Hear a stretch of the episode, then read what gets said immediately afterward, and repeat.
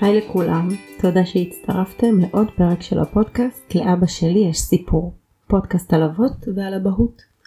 אני חני גיטליס, עובדת סוציאלית קלינית, מנחת קבוצות, מתמחה בטיפול בגברים ובאבות. בכל פרק אעסוק כאן בנושאים שמעניינים אבות, ואארח אבא שיספר את הסיפור שלו בגוף ראשון, כשלאחר מכן בפרק העוקב אביא את נקודת המבט המקצועית שלי לסוגיה שבה עסקנו.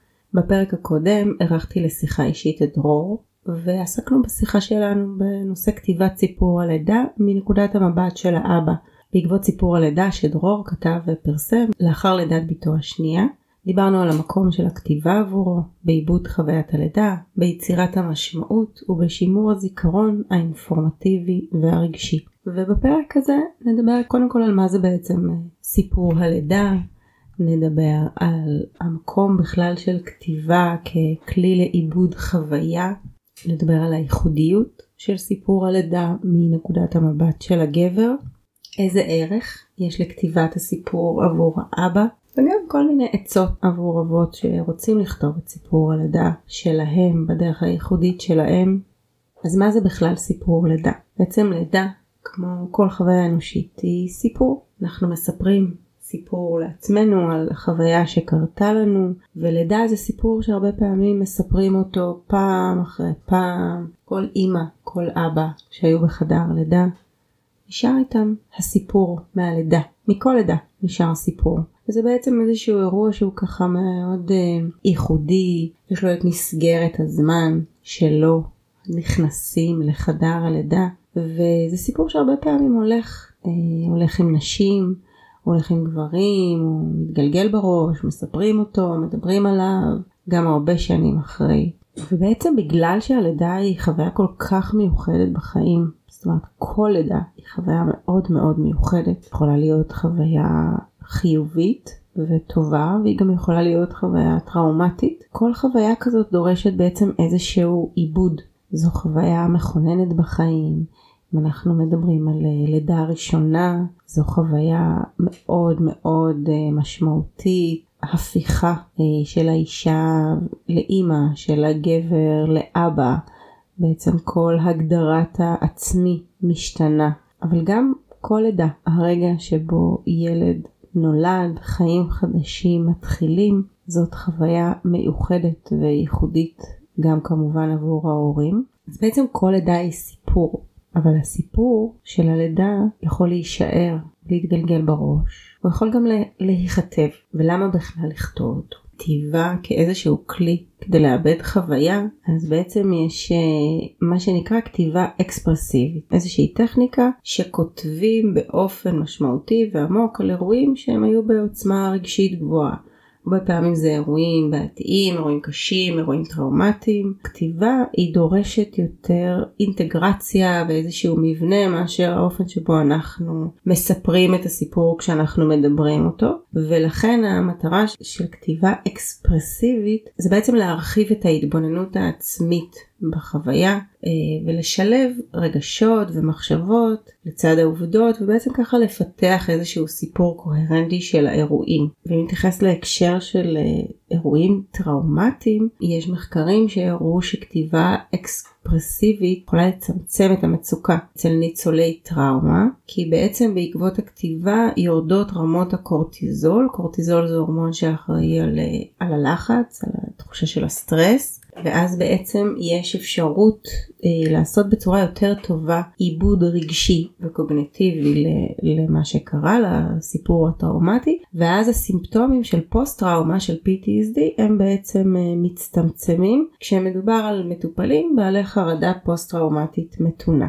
ואם אנחנו ככה חושבים על לידה שהיא ממש לא בהכרח צריכה להיות טראומטית, אבל לפעמים היא כן, אבל היא גם יכולה להיות חוויה רגשית מאוד מאוד חיובית בעוצמות גבוהות, ובעצם היותה אירוע מכונן. היו גם מחקרים על אה, כתיבה אקספרסיבית של נשים אחרי לידה, וראו שלכתיבה יש השפעה חיובית, ובאופן כללי בעזרת כתיבה שהיא אקספרסיבית יש אפשרות לבטא את המחשבות והרגשות באופן שמאפשר ויסות רגשי. שזה בעצם אומר שזה תהליך שדרכו אדם בעצם מסדר את הרגשות וככה דרך הסיפור אפשר להגביר את היכולת להתבוננות עצמית, לשליטה, לעיבוד, שבעצם מצמצם תוצאות שליליות של אה, לחץ. ועוד דבר זה שהכתיבה על חוויות uh, טראומטיות בעצם יכולה להפוך את הזיכרונות מקטעי סיפור, מתחושות יותר ברמה החושית uh, וחוויות ככה לא מאורגנות, בעצם למבנים לשוניים שמשלבים את הכל יחד ויוצרים היגיון לסיפור, בעצם יוצרים איזשהו סיפור קוהרנטי. אז אנחנו מבינים שיש משמעות לכתיבה ככלי לעיבוד חוויה, שיש סיפור בלידה, אבל למה בעצם חשוב הסיפור גם מנקודת המבט של הגבר? אז קודם כל אני אגיד שזה בכלל הרעיון שעליו מבוסס הפודקאסט הזה, והוא לתת את המקום גם לסיפור של האבא. ואני חושבת שהאבהות, אני לא חושבת שהיא מתחילה בלידה, אני חושבת שהיא מתחילה עוד לפני הלידה, למרות שכל אחד מגדיר איפה מתחילה האבהות שלו, אבל אין ספק שהלידה היא שלב מוקדם באבהות. אני חושבת שבאותה מידה שהסיפור של הלידה הוא משמעותי עבור אישה, הוא משמעותי גם עבור הגבר, בחוויה שלו כהורה, כאבא, בקשר שלו עם הילד שנולד בלידה. בחיבור בינו לבין בת הזוג שלו בחדר הלידה, או לחילופין בינו לבין, או לחילופין בינו לבין כל מי שהיא שותפה שלו לתהליך הזה, לא בהכרח אשתו, איכשהו שותפה שלו, בין אם זה הורות משותפת, בין אם זה פונדקאות, בלידה תמיד יש אישה. אמנם שני אנשים נמצאים באותו חדר לידה וחווים כביכול את אותה חוויה, אבל כשכל אחד מהם יכתוב את הסיפור, אה, הוא גם מתמקד בחלקים שונים, כי הוא נמצא בפוזיציה אחרת בחדר הזה. וגם בשיחה עם דרור דיברנו על זה שיש רגעים שבעצם לאבא יש איזושהי זווית אחרת על הלידה. אה, לפעמים זה במקום שבו מתפתח איזשהו קושי, יש דאגה, יש סכנה או איזושהי, איזשהו חלק קשה, ואז יש התמודדות של האבא עם המצב הזה. כמו שדרור מספר בעצמו על איזשהו שלב שבו, שבו המצב של אשתו מאוד לא טוב בלידה, ויש שם איזשהו חלק שהיא אפילו לא כל כך זוכרת. אז, אז דווקא פה הזיכרון שלו הוא זה שמשמר את הסיפור. הרבה פעמים נקודת המבט של האבא בסיפור באמת קשורה בטיפול בבת הזוג, בתמיכה, בהתמודדות עם כל מיני תחושות שעולות אצלו, ולפעמים בהתבוננות הזאת מהצד, בזה שהוא לא חווה את הכאב, את החוויה הפיזיולוגית של הלידה, דווקא יש איזושהי אפשרות להחזיק הרבה יותר פרטים לפעמים ממה שקורה שם בחדר. ובעצם יש פה נקודת מבט שמאוד מאוד מעשירה את הסיפור והופכת את החוויה של הלידה את, את התמונה שעולה מהסיפור הזה להרבה יותר שלמה ומלאה באמת יש את החלק שלפעמים אה, האבא מלווה את התינוק לתינוקייה לטיפול רפואי והאמא נשארת לבד בחדר לידה או בתהליך התאוששות אז יש ביניהם פיצול יש ממש איזשהו שלב שאפילו לא נמצאים ביחד ולפעמים כן נמצאים ביחד באותו חדר אבל, אבל כל אחד נמצא במקום אחר. והכתיבה יכולה באמת לשמר את הזיכרון והיא מהווה איזשהו תהליך של עיבוד אישי, שגם של הגבר, שמאפשר לו להתמקד ברגשות שלו, בחוויות והתחושות שעברו עליו במהלך הלידה. בעצם איזשהו תהליך שמשמר זיכרון. אין מה לעשות עם הזמן, גם פרטים מטשטשים, אבל יש משהו שהוא לא רק בפרטים, בכתיבה הזאת של הסיפור, כל החוויה מסביב. עצם הכתיבה יכולה לייצר איזשהו אה, שחרור של רגש.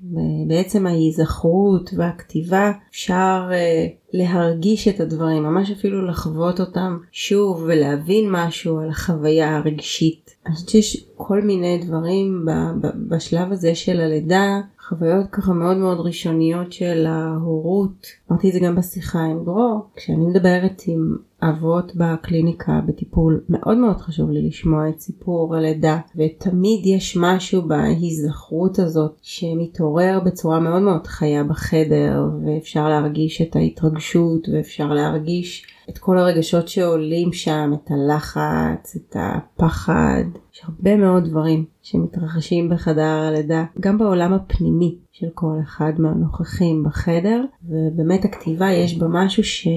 שמשמר את החוויה הזאת. כמובן שאם בוחרים לשתף בסיפור הלידה אנשים אחרים, זה גם יכול להיות uh, השראה ותמיכה לאנשים אחרים שהם ככה לקראת לידה. לידה אירוע שמתכוננים אליו, אירוע שחווים אותו מאוד מאוד בעוצמות. אז יש משהו ב- בלשמוע סיפורי לידה, בלקרוא סיפורי לידה, שעוזר, שעוזר להתכונן, שעוזר להתמודד.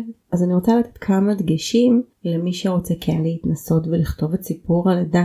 דרך אגב אפשר לעשות את זה גם אם זה לא קרה לאחרונה, גם אם עבר זמן מהלידה. איך שאתם זוכרים את זה עכשיו. קודם כל חשוב להגיד, לא רק אנשים שרגילים לכתוב יכולים לכתוב את סיפור הלידה בצורה טובה. אין צורך לאיזה שהם כישורי כתיבה ברמה מקצועית.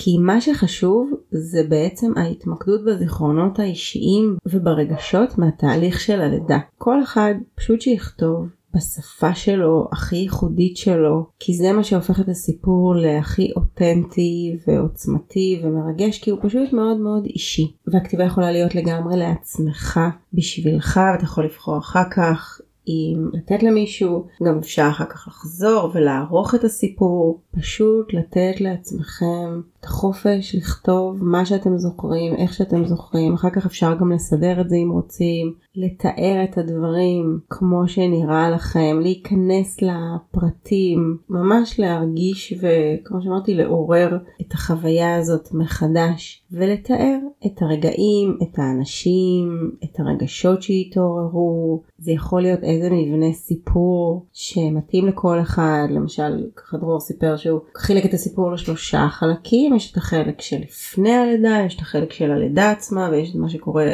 מיד אחרי הלידה, זה דוגמה אחת למבנה. יש אנשים שיכולים להתחיל מאיזושהי נקודה מסוימת בלידה ואחר כך להרחיב על השאר, יש אנשים שילכו מאוד בסדר כרונולוגי, הכל בסדר. כל דרך שבה תביאו את הסיפור שלכם זה טוב, זה מיוחד, זה שלכם. אפשר ככה באמת לתת את הדגש על רגעים שהיו יותר אה, דרמטיים, מותחים, אה, אפשר להכניס כמובן הומור, אפשר כל רגש ש, שעולה בסיפור, אם זה יותר משעשע, אם זה יש שם איזושהי חוויה של פחד, אפשר להכניס הכל, להכניס ציטוטים שנאמרו, אפשר להביא ככה איזה שהם אה, דיאלוגים, רגעים שזוכרים במיוחד, תמונות שרואים, אפשר לנסות לתאר כל מה שחווים ברמה החושית, מה ששומעים שם, הריח שיש שם, מה שרואים בעיניים. מי שיתנסה בכתיבה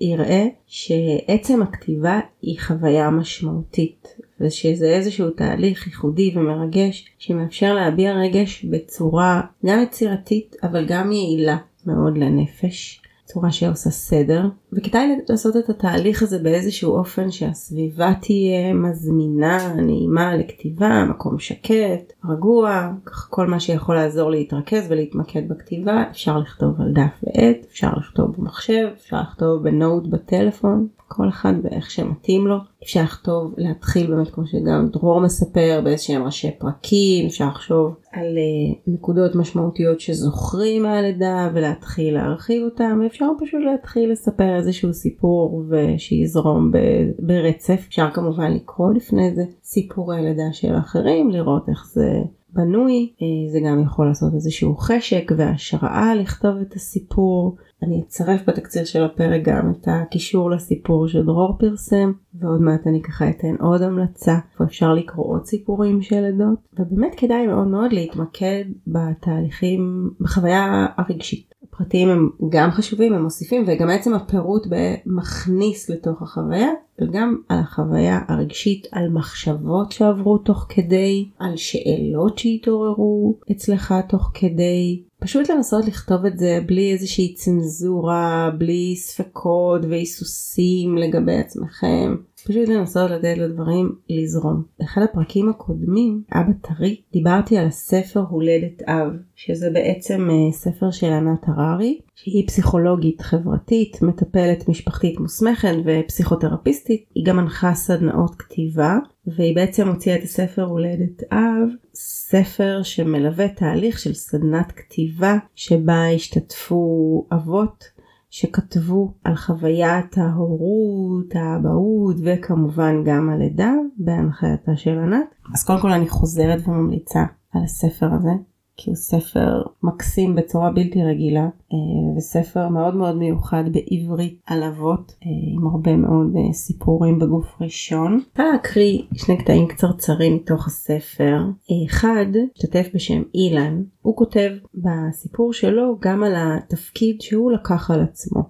במהלך הלידה. אז הוא אומר, הוא אומר בקבוצה, אני כאן בשביל לנהל את האירוע, המוקד זה לא אני, וגם על זה כתבתי. ואז הוא קורא, מקריא את מה שהוא כתב. במשך כל השהות בחדר הלידה, הרגשתי שעליי לנהל את האירוע. בסוגריים מבלי להיכנס לתאוות השלטון שבי. לדאוג מי ייכנס, ובעיקר מי לא. מנקות, אחיות ורופאים הורשו על ידי להיכנס במידה הפחותה ביותר, רק לשם הפרוצדורות החיוניות. כל הורדת ידית של הדלת הקפיצה אותי אליה, ובגופי חסמתי את הפתח ואפשרתי רק את הכניסות הנצרכות. בנוסף, היה עליי לדאוג לרווחתה של אשתי באופן ישיר, יחד עם יעל אדולה, לראות שהכל בסדר, שהמוניטור אינו מעיק מדי, שהיא מקבלת את כל הדרוש לה. כל הנ"ל היה בשילוב עם ההיבט הזוגי, שגם אותו השתדלתי למלא במהלך הלידה, להיות שותף ואמפתי לצירים, לכאבים, לתפילות, לשירים, לבכיות ולסייע לה לשאת בסבל במידת יכולתי. ובחרתי להקריא את הקטע הזה כי אני חושבת שזה קטע שרק גבר יכול לכתוב על המקום שלו בלידה,